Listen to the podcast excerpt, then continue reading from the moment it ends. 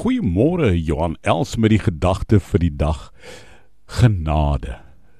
Jy weet die term genade eh, kan ek amper sê dit so versluit. Dit so so baie keer gewoon geraak.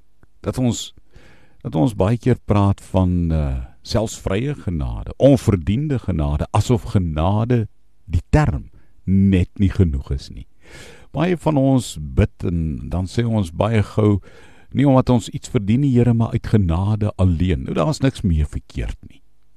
Maar net weer terug te kom na die werklikheid en die realiteit en die lewensnoodsaaklikheid vir God se kinders van genade, trouens vir almal van genade.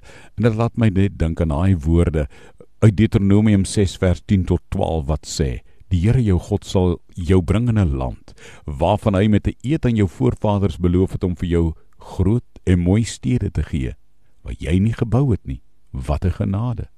Huise vol voorrade waarvoor jy nie gewerk het nie. Wat 'n genade. Putte wat jy nie uitgekap het. Wingerde en olywe wat jy nie geplant het nie.